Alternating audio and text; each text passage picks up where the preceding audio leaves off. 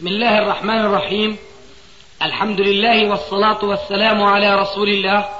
أما بعد فهذا أحد أشريطة سلسلة الهدى والنور من الدروس العلمية والفتاوى الشرعية لشيخنا محمد ناصر الدين الألباني حفظه الله.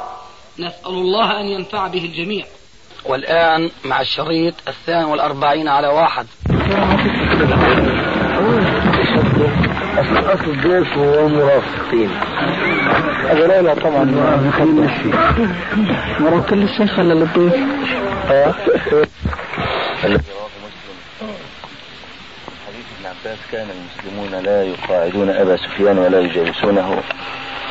وفيه كما تعرفون. فهذا الحديث الحافظ الذهبي يقول في سير النبلاء منكر وابن تيمية يقول غلط بل قال ابن حزم أنه كذب. موضوع. فما تقولون فيه؟ والله في سنده معروف فيه ضعف من جهة أظن اسمه عكرمة عكرمة بن عمار ثم في بعض تفاصيل ما جاء في هذا الحديث ما هو فعلا مستنكر يعني مخالف للمعهود نعم. من السيرة نعم. لكن الذي يتوقف فيه هو هل يحكم هل يحكم عن الحديث برمته بالنكارة أم إنما آه، يستنكر منه النقاط التي خالفت السيرة الصحيحة نعم.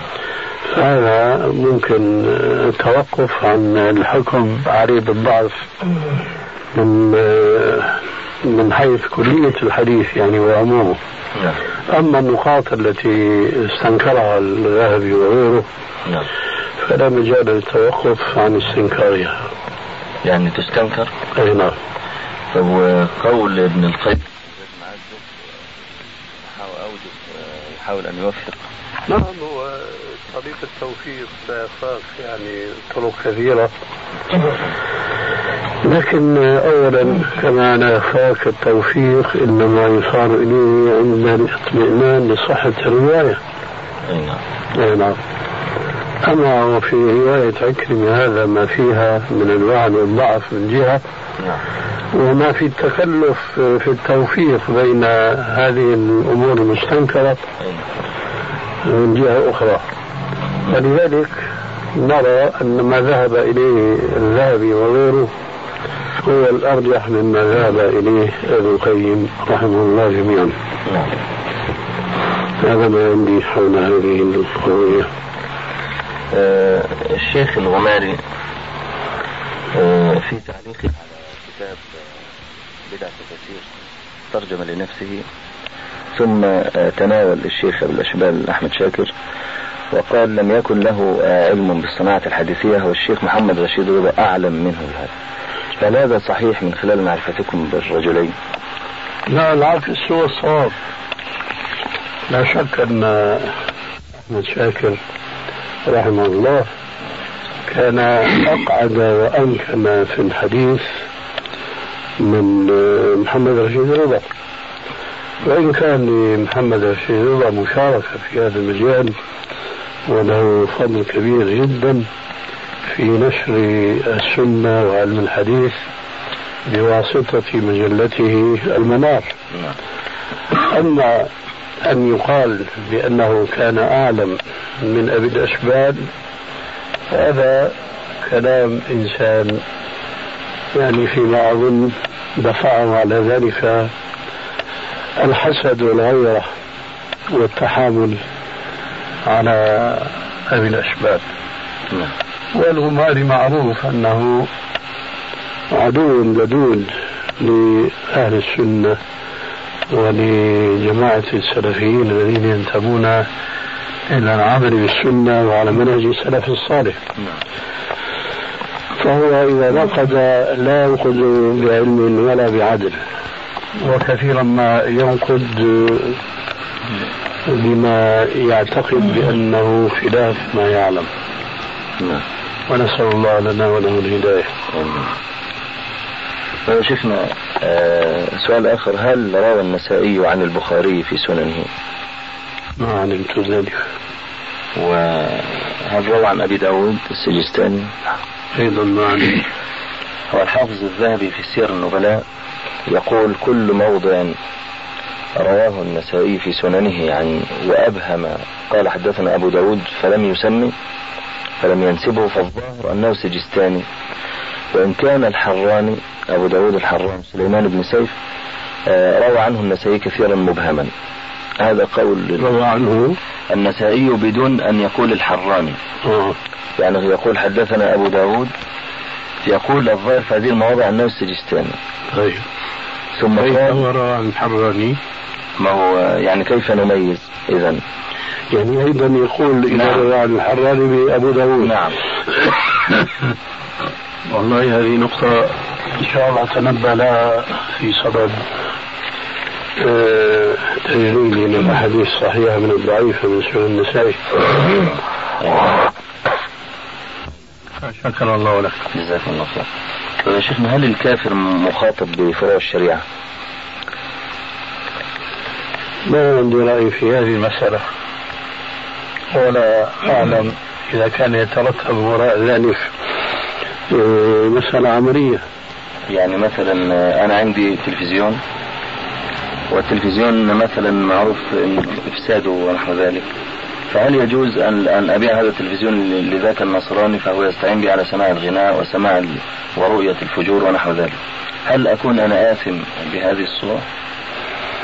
هذه مسألة في اعتقادي الأمر فيها واضح لكن هل لها علاقة بالسؤال السابق؟ يعني أنا هم الصورة هم يقولون ولا مؤاخذة أنه هل هو مكلف بالصلاة مثلا؟ مم. هذا الذي يعنونه بسؤالهم السابق هل هو مكلف بالفروع؟ أما في هذه الصورة التي سألت عنها أخيرا أنه هل يجوز لك أن تبيعه التلفزيون؟ مم. الجواب عندي واضح أنه لا يجوز لأنه في ذلك مساعدة له على الإفساد في الأرض. زيد على ذلك أن الآلة التي لا يجوز استعمالها شرعا نعم. فلا يجوز بيعها وإنما تحطم وتكسر. فهذا الجهاز الذي هذا هو حكمه في الإسلام. نعم. ما ينبغي أن ينقلب هذا الحكم إلى أن يباع للكافر ليستعمله في معصية الله عز وجل. آه، هذه مسألة في اعتقادي ليس لها علاقة بالمسألة الأولى. نعم. نعم. لكن بالنسبة لو أني يعني أخ سألني هذا السؤال قال يعني قبل أن ألتزم كان عندي ثلاث أجهزة. من التلفزيون الملون يعني تقريبا تعادل ألفي جنيه. فيقول هي الآن مدفونة لا أستخدمها وأريد أن أستغل المال ونحو ذلك. وفي تحطيم ال- الأجهزة إضاعة للمال. فهل لهذا القول وجه يعني؟ قد سبق الرسول عليه السلام ببعض أفعاله. نعم. هذا العمل فإنه كما هو وارد في السنة الصحيحة في مسلم وغيره نعم. أنه لما نزل تحريم الخمر جاء أبو طلحة الأنصاري إلى النبي صلى الله عليه وسلم فقال يا رسول الله عندي زقاق من الخمر لأيتام لي. أفأخللها؟ قال لا بل أهرقها. فهنا إن كان يجوز لنا أن نقول إن في تحطيم المحرم إسلاميا إضاعة للمال فقد فعل ذلك رسول الله صلى الله عليه وسلم حينما أمر أبا طلحة بإراقة هذه الزقاق علما بأن هذه المسألة أهون مما يبتلى به المسلمون اليوم من شراء هذه الأجهزة. لأن الخمر لم تكن من قبل محرمة. فلو جاز التساهل في مثل هذه المسألة كان محلها هو أن يقول له خللها بدل أن ترقها واستفد من قيمتها لأنه لما اشتراها ليتاجر بها للأيتام لم تكن الخمر محرمة. مع ذلك لم يسمح له الرسول عليه السلام باستثمارها وبتحويلها خلة وإنما أمره بإراقتها. فبإراقتها بلا شك خسر الأيتام. فبالأولى فبالأولى أن أنه لا يجوز للمسلم اليوم أن يستغل بعض الآلات المحرمة ويستثمرها بعد أن تاب من استعمالها. نعم. ولكن يا شيخنا بالنسبة للخمر والتلفزيون آه، قد يقول قائل إن هناك فرق إن الخمر نزل تحريمها بنص قاطع كلية والتلفزيون يمكن أن أس أن أسمع عليه مثلا برنامج ديني يمكن أن أسمع عليه مثلا آه، كما يقولون في برامج في الطب في نحو ذلك. فالتلفزيون لا يكون حراما من كل وجه فهل يمكن استخدام هذا الجزء الحلال فيه؟ آه، وأبيعه مثلا اتكاء على أنه ليس حراما بالكلية؟ تبيع لمن؟ لمن يستعمل الحلال؟ إن كان كذلك فليستعمله هو في الحلال. وعلى كل حال. هذا التفريق مع كونه واقعا نعم. لكنه لا يبرر التفريق بين الخمر وبين هذه الأجهزة وذلك لأننا إذا قلنا أنه في فائدة من استعمال التلفزيون فنحن نقول صحيح هذا فيما لو استعمل في تلك الحدود المفيدة لكن ما الواقعية هذا أمر نظري نعم. لا يمكن أن يوجد تلفزيون في دار مسلم إلا ويستعمل فيما حرم الله لشدة الافتتان به وأنا شخصيا أعتقد بأن بأن التلفزيون من أشد وأخطر آلات الملاهي فتنة وضررا وإلهاء عن القيام بكثير من الواجبات التي تجب على المسلم المقتني له نعم. فكون التلفزيون ممكن استعماله في بعض الخير هذا لا يعني أنه يختلف عن الخمر لأن الخمر أيضا يمكن تحويله إلى خمر لا يستعمل في خير. نعم. ثم لا أخاف أن هذا الباب يفتح لنا كثيرا من المشكلات الأخرى التي قد يستغلها بعض ذوي الأهواء فيستحل ما حرم الله. لو مثلا رجلا كان ابتلي بالمتاجرة بالمخدرات وكالحشيش والأفيون ونحو ذلك. ثم تاب وأناب فأورد علينا ذاك السؤال هل يجوز أن أبيع هذا للكفار الحشاشين والأمريكيين وأمثالهم؟ لأنه إذا قيل بأنه لا يجوز فهو له رأس مال كبير يضيع عليه. ويحتج بذلك أن هذا غير محرم بنص القرآن. كان الخمر يعني. لكن نقول العبرة بالحكم الشرعي سواء كان منصوصا عليه في القرآن أو في السنة أو كان مأخوذا بطريق الاستنباط. نعم. المهم ما حكم الحشيش المخدر؟ حرام. إذا لا يجوز الاستفادة منه. ما حكم استعمال التلفزيون؟ شراؤه واستعماله. أيضا حرام. على الأقل فيما نرى نحن. نعم. وحين ذاك فلا ينبغي للمسلم أن يكون مضطربا في أفكاره وفي أحكامه. ما دام أن شراء التلفزيون واستعماله حرام فلا يجوز بيعه ولا شراؤه. ومن تاب إلى الله عز وجل توبة نصوحة فعليه أن يفعل بهذه الأجهزة ما فعل الرسول عليه السلام في الزقاق نعم. آخر سؤال. تفضل. آه الشيخ عبد العزيز بن باز كان أفتى بأنه ليس هناك ما يسمى بحقوق الطبع. فهل هذا صحيح؟ هو يفتي بهذا لأنه في الواقع في اعتقادي.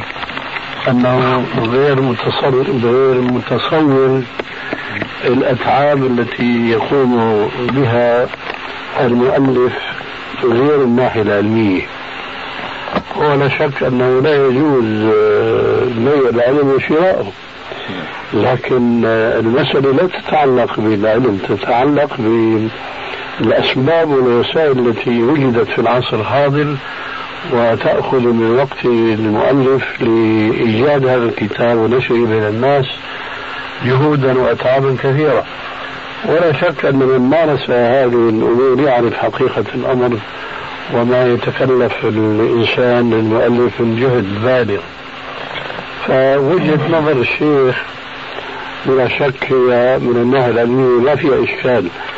لكن ما أظن الشيخ لو يعرف هذه الحقائق أن يفرق بين هذا وبين الناشر أي الطابع.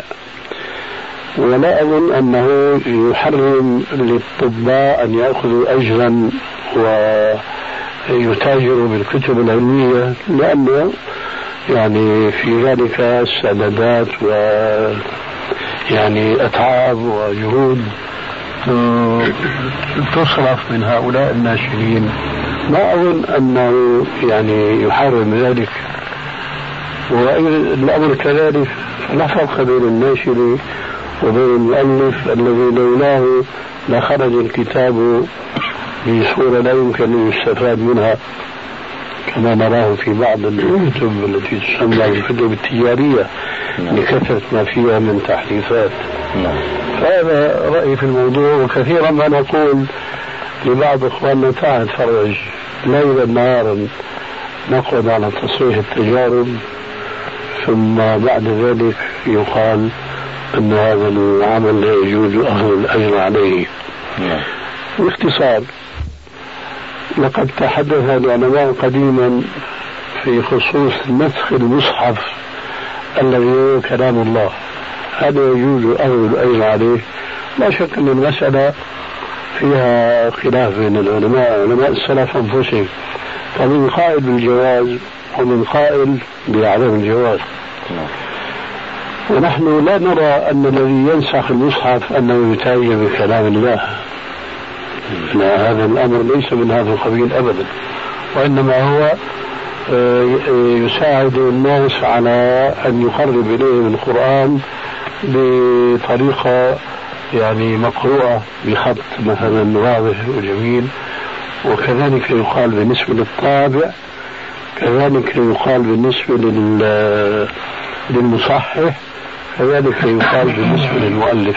نعم. هذا رأيي في الموضوع والله أعلم. طب عندنا في مصر بعض الإخوة الذين يأخذون كتبكم يصورونها. كانوا حملوني هذا السؤال هل الشيخ ناصر الدين الألباني آه، يقول إن آه، أو يفتي إن ربح هذه الأعمال سحتا هو سحت؟ إذا كان سرقة طبعا. ما الذي أحل السرقة يعني إذا أخذ العمل وصوره ونشره. نعم حرام. إلا بإذن المؤلف. إلا بإذن المؤلف. لأن هؤلاء المتاجرين بحقوق الآخرين. نعم.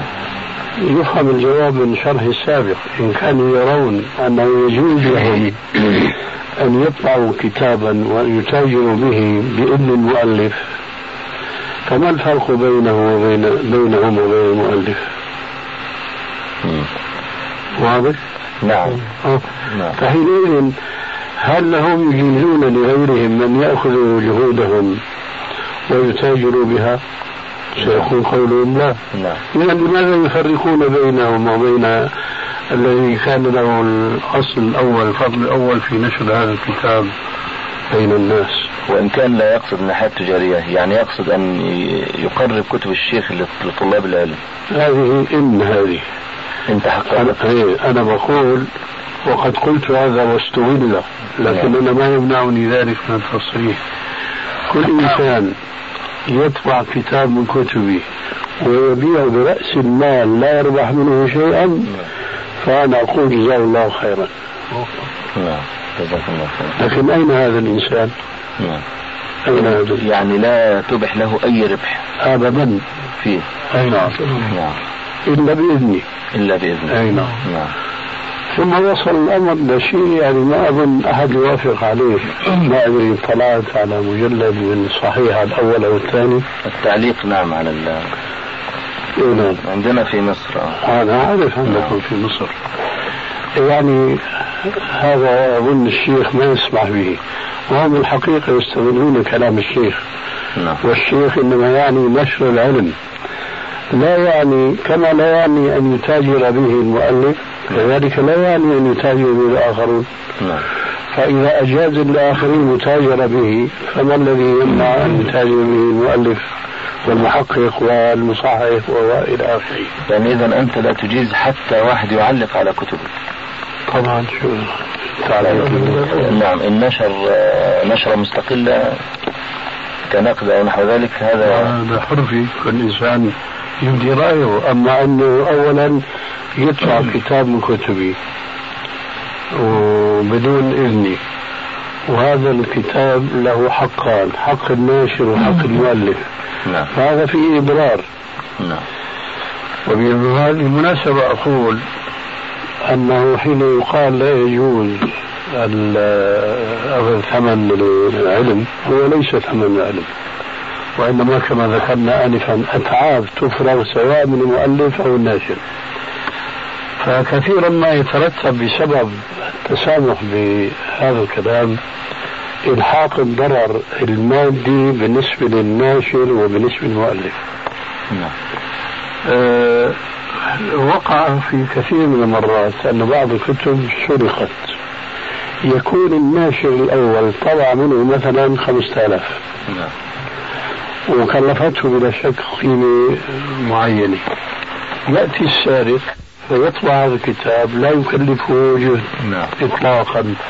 فيبيعه بنصف القيمة. وهو ربحان أضعاف ما يربح الأول. نعم.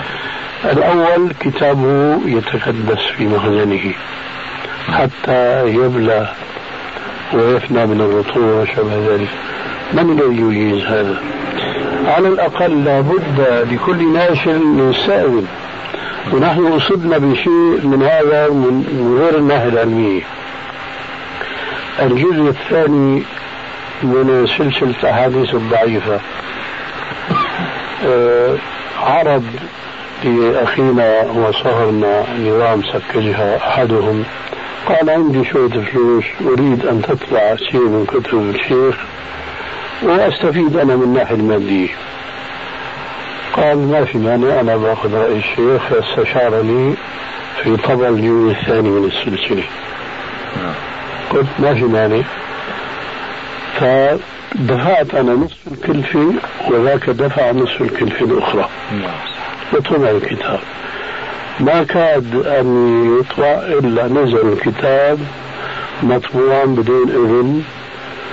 فبرك الكتاب عند صاحبنا سكيها سنين. فتعطل الكتاب بسبب طبع ذاك الإنسان الآخر. فأصابه ضرر وأصابنا ضرر. لا سيما الذي كان شريكي في الإنفاق على طباعة الكتاب رجل يعني غريب في البلاد وبحاجة إلى إعانة. نعم. وبدل أن يعني يحصل على إعانة حصل على الضرر فهذه العواقب والنتائج ما طبعا تخطر في بال من لم يعاني القضية وإنما ينظر إليها من الناحية العلمية المحضة. نعم. هذا رأيي في الموضوع. الله خير والسلام عليكم. يا شيخ إن شاء الله. الكثير من الناس الآن الأشخاص أو مكاتب آه، يقوم الرجل يعني يبيع سيارة لرجل آخر أو بيت لرجل آخر. ويتقاضى مقابل ذلك شيء نسميه سمسره ما في مانع. ما في مانع على نعم. إن شاء الله. وبالنسبة للي بيصطادوا خاصه المنتشره في بلاد مصر يكون جالس في بيت يقول أنا ما بخرج من البيت هذا حتى تدفع لي خلو 5000 أو 1000 أو 2000 أو كذا. يجوز أخذ خلو من صاحب البيت اللي يدفع لي الأجار حتى يخرج من البيت. يعني هو مستأجر. هو مستأجر. هو مستأجر ويطلب خلو من المؤجر. نعم. لا ما يجوز. لكن المشكلة هنا نعم.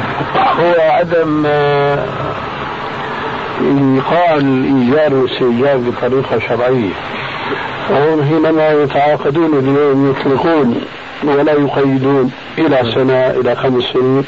والقانون الجائر القائم على خلاف الشرع يساعد المستأجر نعم بحيث يجعله كالمالك ولذلك فهو يتحكم بالمستأجر ويقول أنا ما أفرغ لك الدار إلا أن ترضيني بالمال هذا حرام؟ هذا ما يجوز طبعا طب هو يريد أن ينتقل إلى مسكن أوسع ولكن هو سيدفع مثلا أضعاف ما سيأخذه من هذا الرجل هل يمكن أن يأخذه من باب الإعانة وليس التحكم؟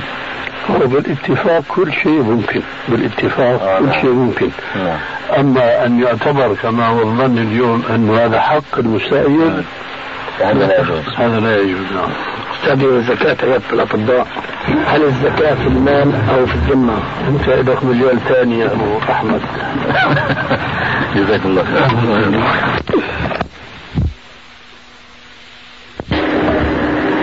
عليك في مطالعاتك لو البيت أبو شو اسمه نعم. مثل آه، حديث أو أحاديث. يذكرها بعضهم. في رفع اليدين في الدعاء بعد الصلاة. بعد السلام. بعد السلام من التشهد؟ نعم. بينما يخرج من الصلاة. مر عليك شيء؟ أنا لا أذكر. لا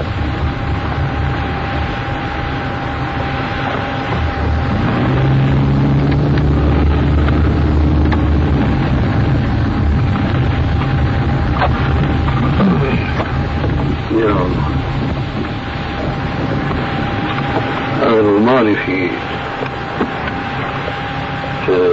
رسالته التي سماها بزعمه إيش؟ حسن الصنعة إتقان الصنعة نعم المهم نشر فيها رسالة لواحد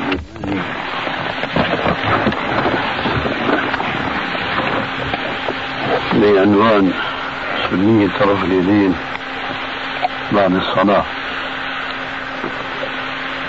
آه هذا اليماني ذكر حديثين أو ثلاثة. حديث عزيز ابن السني. طبعا هذا تحصيل سهل وقد فعلت. وحديثين عزيز لمصنف ابن أبي شيبة. نعم. تعبت جدا منذ يومين ثلاثة وأنا أبحث ما وجدت لهما. اثرا مع الاحتفاظ ببقاء احتمال أن يكون أودعهما في مكان ما يخطر في البال بمناسبة غير مناسبة رفع اليدين هناك شيخنا احتمال آخر وهو أنني التقيت في مصر. بالإخوة القائمين على طبع المصنف في الهند. فذكروا لي إنهم هيجددوا طبع لأنهم وجدوا إن ثلث المصنف ساقط يعني وجدوا عليكم السلام. وجدوا مخطوطة كاملة آه، تشير إلى أن أكثر من مجلدين أو ثلاثة ساقط من المصنف هذا معقول. نعم. لكن من جملة ما احتطت أنني رجعت إلى الجامع الكبير السيوطي. نعم. فهو كما تعلم ينقل كثيرا عن مصنف ابن أبي شيبة. نعم. والحديثان من الأحاديث التي تدخل في تقسيمه لكتابه في قسم الأفعال. لانها حكاية عما فعل الرسول. فهنا على قاعدته ينبغي أن يريدهما في مسانيد في مسند الراوي. نعم.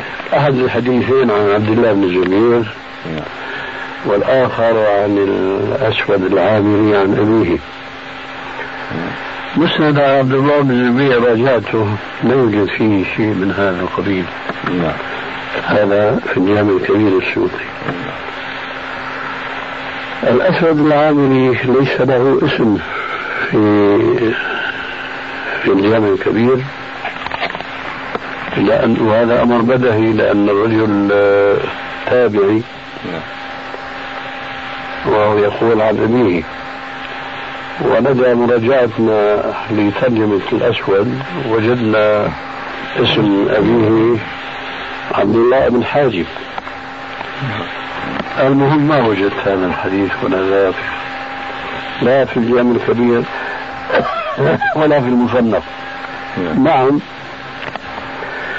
وجدت في المصنف في كتاب الصلاة قسم من الحديث الذي ذكره الأهدل هذا اليماني ولا في المصنف. نعم. وجدت في المصنف في كتاب الصلاة قسم من الحديث الذي ذكره الأهدل هذا اليماني. نعم.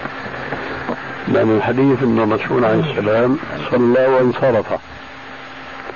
تمامه في نفسه من ثم؟ انتهى الحديث فوضعت احتمال يكون ذكره في كتاب الدعاء مثلا بكامله ما في في كتاب الدعاء.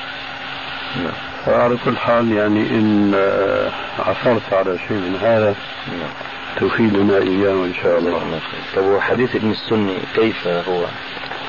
وهذا من العجائب من عجائب أهل الأهواء أن هذا الأهل اليماني ذكره بيقول فيه عبد العزيز بن عبد الرحمن البالسي قال وفيه مقال والظاهر من الميزان أنه حديث ضعيف لكن حديث ضعيف يعمل به في قضاء الأعمال. لما نرجع إلى ترجمة البالسي وهو معروف بالضعف الشديد الذهبي يقول فيه اتهمه الإمام أحمد. ويقول عن النسائي قال ليس بثقة.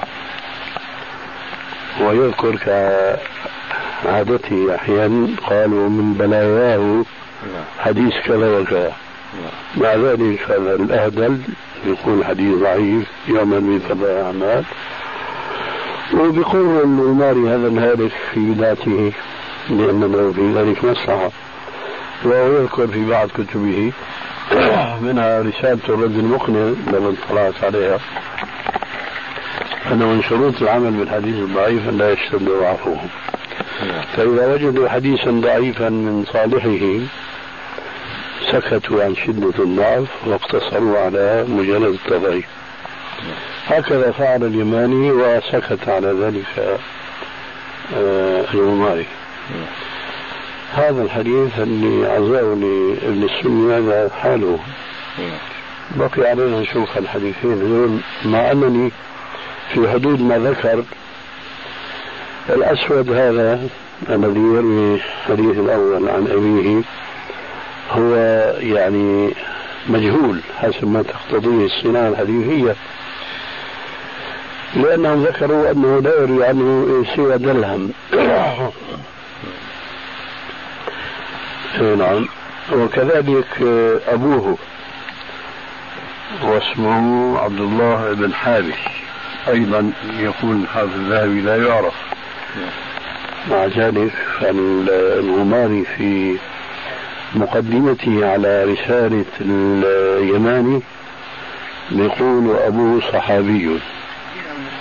وهذا ليس بصحيح. وعليكم السلام ورحمة الله. المهم هات ما عندك. نعم. آه، بالنسبة للسؤال الذي سألته أمس عن حقوق الطبع ورأي الشيخ عبد العزيز بن آه، كنت نسيت جزئية في فتوى الشيخ وهو يجوز أن تأخذ حقا على الطبعة الأولى وهذا آه، بمقت... يعني يقابله عملك وتعبك ونصبك. يقول أما باقي الطبعات فتعبك أنت أخذت عليه أجر فلا يجوز في باقي الطبعات. يقول الطبعة الأولى فقط. هذا في اعتقادي قضية شكلية محضة.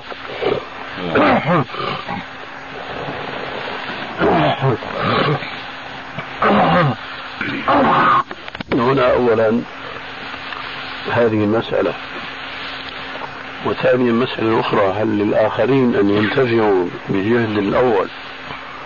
وهذا ما سبق الكلام عليه. نعم. أما أن هذه قضية قضية شكلية فهذا اتفاق بين المؤلف وبين الناشر. فكما يقال في حق الناشر هل له أن يأخذ عن طبعته الثانية يعني أجرا أو تعويضا؟ أو لا يجوز. فما يقال فيه يقال في المؤلف الذي قام على الكتاب تأليفا وتحقيقا وهو إلى آخره. نعم. إنما أعني قضية شكلية لأن ممكن وهذا يقع كثيرا كما تعلم. حينما يريد الناشر أن يمتلك حق الطبع فهو يدفع لصاحب الحق الذي هو المؤلف أو المعلق أو المحقق يدفع له أكثر مما يدفع له لو لم يعطى له حق النشر. وهذا واضح طبعا. الذي طبعا هل من قائل بأنه لا يجوز له إذا سلم بجواز الأخذ الأول فهو لا يستطيع أن يتحكم فيقول له أن يأخذ بالمية واحد اثنين ثلاثة خمسة عشرة عشرين إلى آخره. فما الفرق حينئذ؟ بين أن يأخذ هذا الحق دفعة واحدة وبين أن يأخذها على دفعات. لا فرق في ذلك. ولذلك بقول أنه هذا التفريق قضية شكلية ليس لها علاقة بالحكم الشرعي يجوز أو لا يجوز. لأن المؤمنين على شروطهم نعم. وعلى ما يتفقون عليه. نعم. هذا وجهة نظري بالنسبة لهذا القيد الذي استذكره على السؤال السابق. وهناك قيد آخر يقولون لو أني اشتريت كتاب أي كتاب حد من كتب مثلا الشيخ مثلا فهذا شراء صحيح فيجوز لي أن أبيعه وهذا بيع صحيح لأن الكتاب أصبح ملكي. فلو أنا بع- بعته بطريقة ما فهذا ما في شيء. وأنا بقول ما في شيء لكن هذا ليس فيه تعد لأن هذا اشتراه بطريق شرعي. نعم. لكن هو ما اشتراه على أن له حقوق الطبع. مم. الأمر واضح. نعم. يعني هو امتلك الانتفاع بهذا الكتاب. لكن لم يمتلك الانتفاع بما بالنسخ التي يمكن أن تطبع عن هذا الكتاب. يعني البيع واقع على النسخة التي اشتراها هو. أي نعم. آه، نعم. طب كان في سؤال آه، وهو ما حكم غناء المرأة لزوجها؟ يعني تغني لزوجها أو نحو ذلك. ما هو المقصود بالغناء؟ إن كان المقصود بالغناء هو التطريب بالصوت الجميل والألفاظ التي يجوز لكل مسلم أن ينطق بها. نعم. فلتغني ما شاءت بشرط أن لا تضيع شيئا من فرائضها؟ نعم هو كذلك. أما إذا كانت آه، تغنى بألفاظ لا يجوز النطق بها أصلا في الشرع فلا فرق حين ذاك بين أن تغني لزوجها أو لأخيها أو لأختها. نعم. لأن الأمر كما تعلم من قوله صلى الله عليه وسلم الشعر كلام. فحسنه حسن وقبيحه قبيح. فإذا تكلم الإنسان بكلام قبيح فهو مؤاخذ عليه وإذا تغنى به ازدادت المؤاخذة. فإذا يجب أن نفرق بين غناء وغناء. فإن غنت المرأة أمام زوجها بكلام مباح يقال إنه مباح. فلتغني ولتطربه بما شاءت من غنائها؟ أما إذا كان المقصود بالغناء هو هذه الأغنية الخليعة التي أصبحت مهنة لبعض الفاسقين أو الفاسقات. فلا فرق حين ذاك بين غنائها لزوجها أو للغريب عنها. نعم. طب ما خطورة أن تتغنى لزوجها بما شاءت؟ يعني ما الضرر الشرعي؟ الذي سيقع. يعني ما زوجها مثلا يكون رد فعل مثلا هذا. سبق هل يجوز لها أن تتكلم بكلام آه، لا يجوز النطق به؟ لا عموما لا. وخصوصا. لا فرق بين العموم والخصوص. نعم. شيخ الكلام. نعم. مثلا كيف؟ الكلام. مثلا أي الكلام يعني. لو غنت له مثلا مؤاخذة في في في الحب والعشق ونحو ذلك نعم. مما قد يطيب قلب الزوج أو آه، كذا. معليش معليش ال- الكلام السابق؟ واضح بإذن الله. لكن الذي يرد هو سؤال أخونا أبو عبد الله. نعم. أنت الآن آه، حاولت أن تأتي بمثال. حين قلت من مانع أن تتغنى له بالحب والعشق. نعم. فهذا الحقيقة هو جواب أخونا أبو عبد الله. نعم. العشق إذا أطلق المقصود به ما يحل من الحب أما يتبادر من خلاف ذلك إلى الذهن. نعم. الثاني. ثاني نعم. فإذا يعني قد تجد. تتغنى بالحب؟ نعم. ولا وتبتعد عن العشق؟ نعم. لأنه يتبادر من كلمة العشق ما ليس به مشروع عادة. نعم. آه. نعم.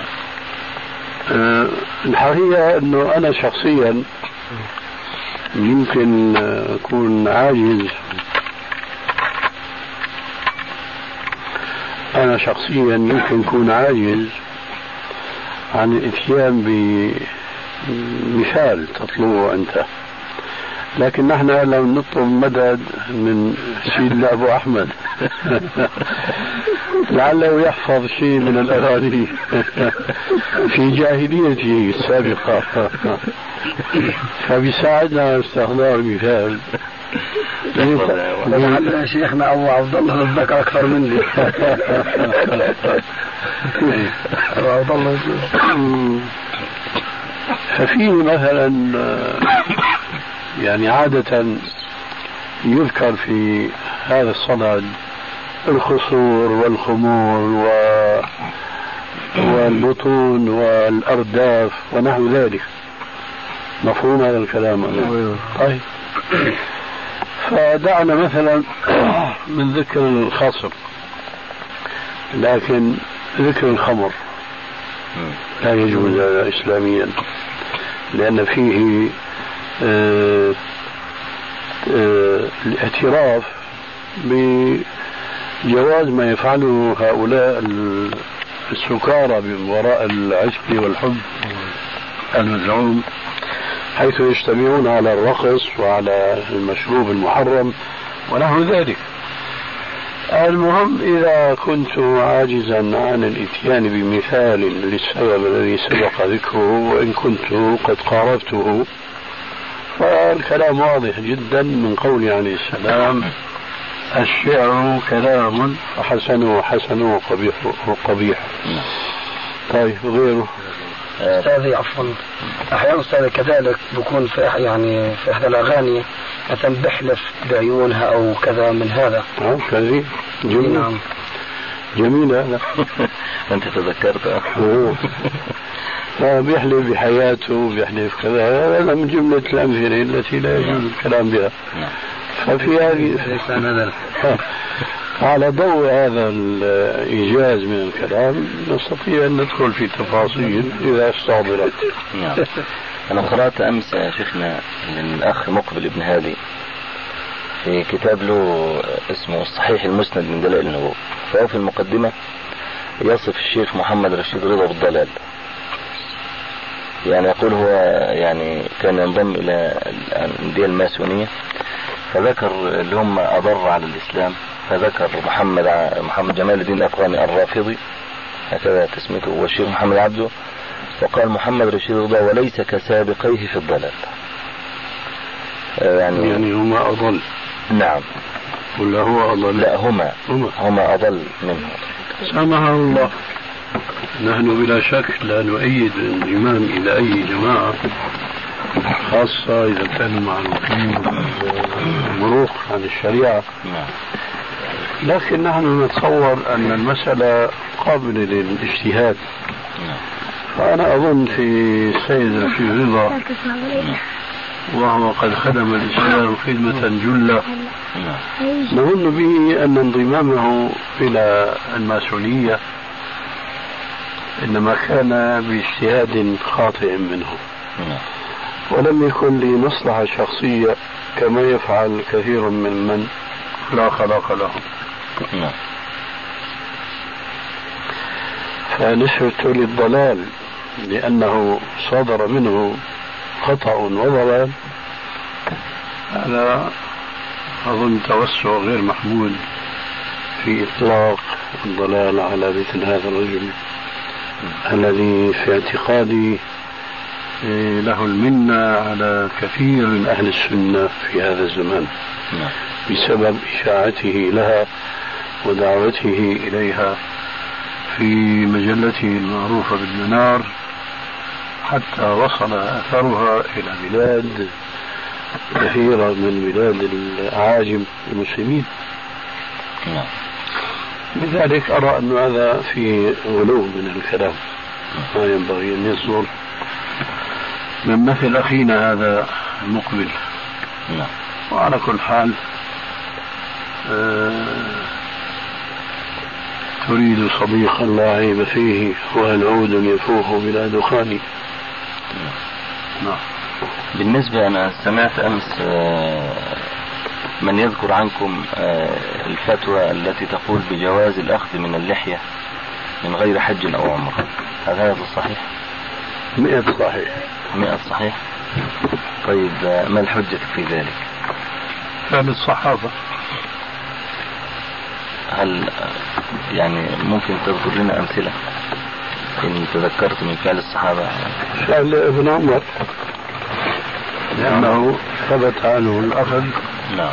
مقيدا بالحج والعمرة نعم. وبغير قيد بالحج والعمرة. نعم.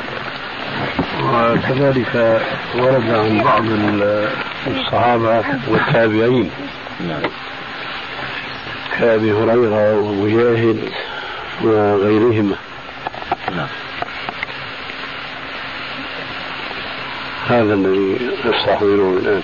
لكن بعض من يقولون بغير هذا الرأي قال إن فعل الصحابة ليس بحجة لا سيما إن إن إن خولف فيه. وروى وذكر بسند صحيح إلى علي بن أبي طالب رضي الله عنه أن كانت لحيته تصل إلى سرته وما وتملأ ما بين العارضين.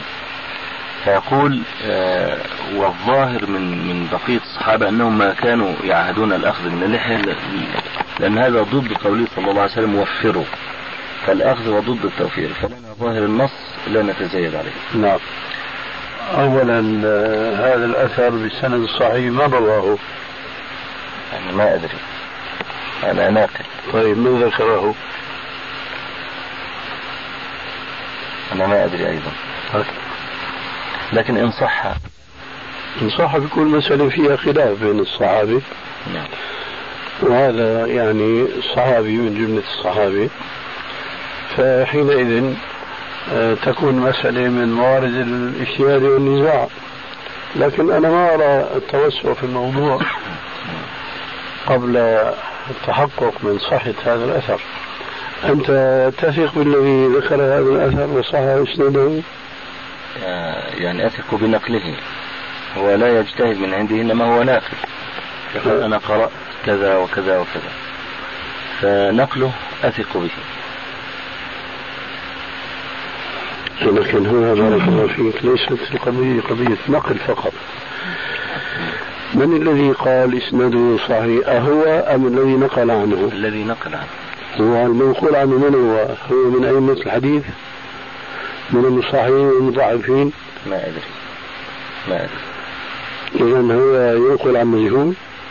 لا هو نقل عن كتاب أنا نسيته. مم. أنا نسيت الكتاب الذي نقل عنه. طيب من الناقل؟ أخ لنا في مصر أسميه ولا لا حاجة؟ لا بقول إذا كان في ذلك غيبة فلا ليس- لا تسميه. لا ليس غيبة. إذا سميه. وأخ أبو عبد الرحمن إبراهيم ابن عبد الله. هذا من المشتغلين بالحديث. طيب، إبراهيم بن عبد الله. له آثار؟ هذا الأخ؟ طبعا هو ما غيره. ككتاب ذلك هاي رسالة مثلا كتاب؟ آه نعم له كتاب المعاني والمباني بين الغزالي والألباني.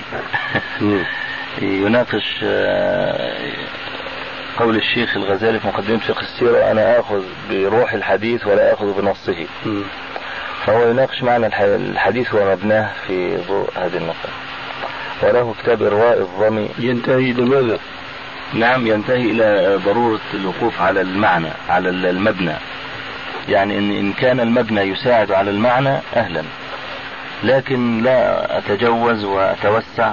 وأرفض الأحاديث الصحيحة بدعوى أن المعنى غير مطابق. نحو أيوه. وله أيضا. وله كتاب إرواء الظمي بتخريج سنن الدارمي.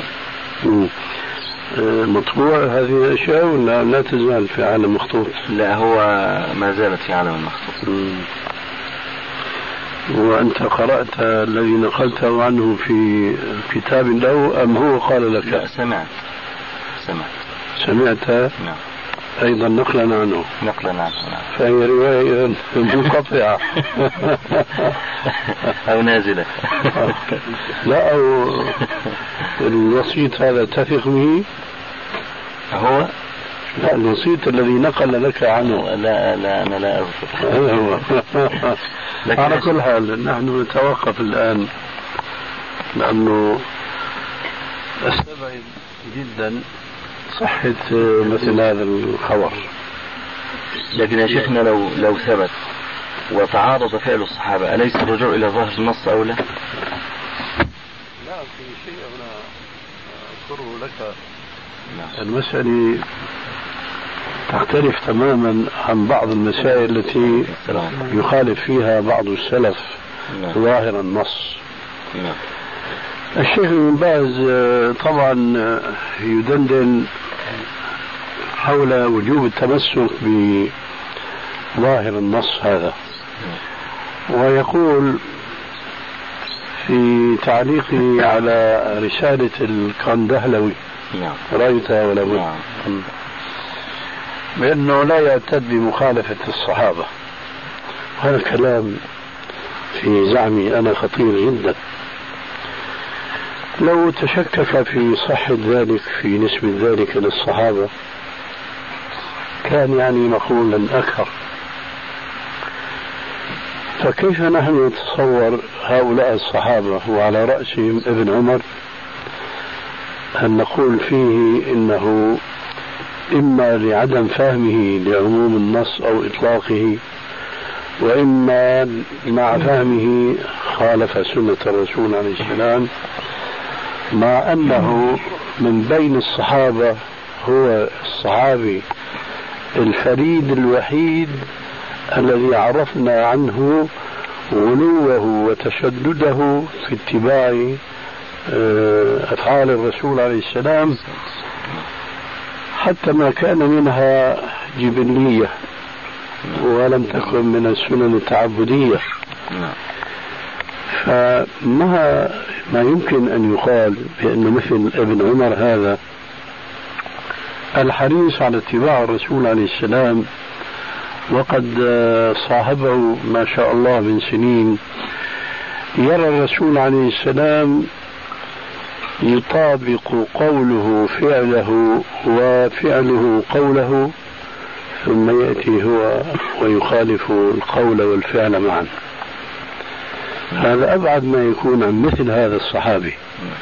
يمكن أن يفترض مثل هذه المخالفة بالنسبة لصحابي من الأعراب مثلا من البدو اللي جاء إلى الرسول عليه السلام وآمن به وسمع منه بعض النصائح أو بعض المسائل ثم رجع إلى غنمه إلى إبله إلى باديته.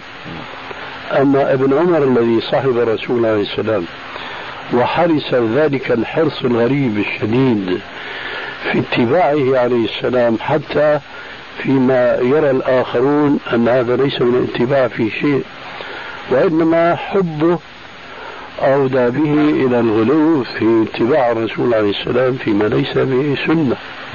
هذا الرجل من الصعب جدا أن نتصور أنه يأتي إلى شيء. يرى الرسول عليه السلام يفعله ويؤكد بذلك قوله وعفو اللحى ثم هو لا يعفو. فيخالف ما رآه في الرسول وما سمعه من الرسول. وفي اعتقادي لا يشك كل ذي لب وعقل أن هذا الخطاب الذي يسمعه الصحابي بصورة عامة وابن عمر بصورة خاصة مباشرة من فم الرسول عليه السلام إلى أذنه سيكون هو أفهم له من أي رجل آخر يأتي في آخر الزمان أو في قديم الزمان ولكنه لم يسمعه من الرسول صلى الله عليه وسلم مباشرة.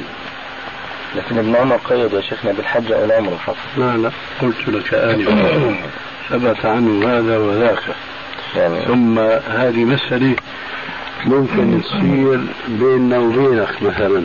مثلا أنت ترى الأخذ بفعل ابن عمر في الحج والعمرة للسبب الذي ذكرته. لكن الشيخ بن باز وأمثاله لا يفرقون لأن هذا فعل ابن عمر. فالموضوع ليس الآن موضوع القيد ولا الإطلاق في الحج والعمرة أو مطلقا. الموضوع الآن أنه سواء كان الأخذ في الحج والعمرة أو كان الأخذ في غيرهما أيضا فهو في وجهة نظر ابن باز وغيره من أهل العلم لا فرق في هذا وهذا كل ذلك يخالف النص في مفهومهم نعم. لذلك نحن ما ندخل الآن في التفاصيل على أني أجبتك بأنه ثبت عنه الإطلاق فالقيد هذا ليس قيدا وإنما هو جزء من أجزاء النص العام. فهذا وجهة نظري في الموضوع. لكن شيخنا بالنسبة للفتوات آه، بيستغلها بعض الناس لدرجة أن لحاهم تكون هكذا لا تكاد تظهر. مثل مثل ما قال كان دهلوي كحبات الرز. نعم. هو كذلك. فلا يبدو سيما المسلم بتوفير اللحية وأنها تكون سابغة ونحو ذلك. إي نعم. لكن نحن لا نزال نقول بالتوفير ونضع له حدا لا يتجاوزه المسلم وهو ما ثبت عن ابن عمر. اللي هو القبضة. إي نعم. يعني إذا كأن مجمل الفتوى أنه بعد القبضة لا يأخذ. إي نعم. إذا رجعنا إلى القيد. القيد أي قيد؟ اللي هو قيد كان إذا حج أو اعتمر. لا لا. لا بارك الله فيك. في عندنا قيدين الآن. نعم. قيد زمني وقيد موضعي. قيد يتعلق باللحية نعم. وقيد يتعلق بالزمن. نعم. فنحن بحثنا الآن في اللحية. ليس لذلك علاقة.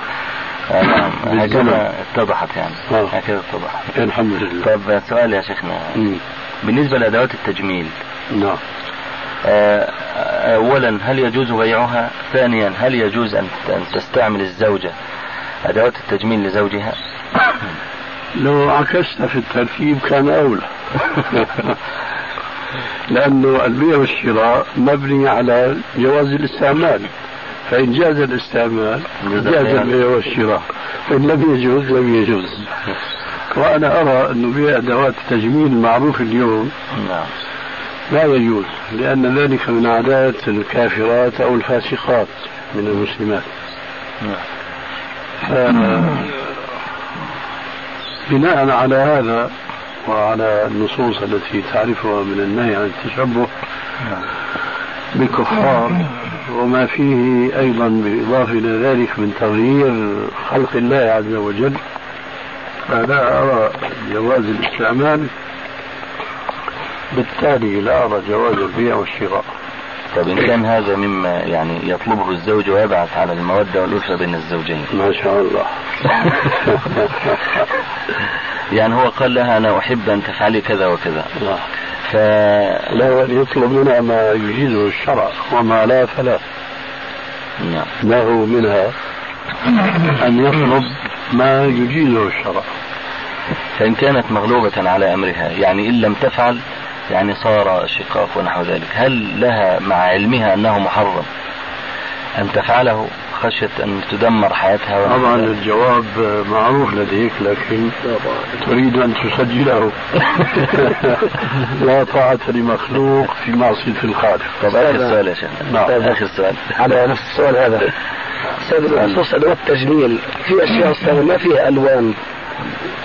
كان أستاذ بحثنا في هذا. هي ما في مانع. إذا كان ما تظهر الشكل الأوروبي هذا ما في مانع. نعم. آخر سؤال.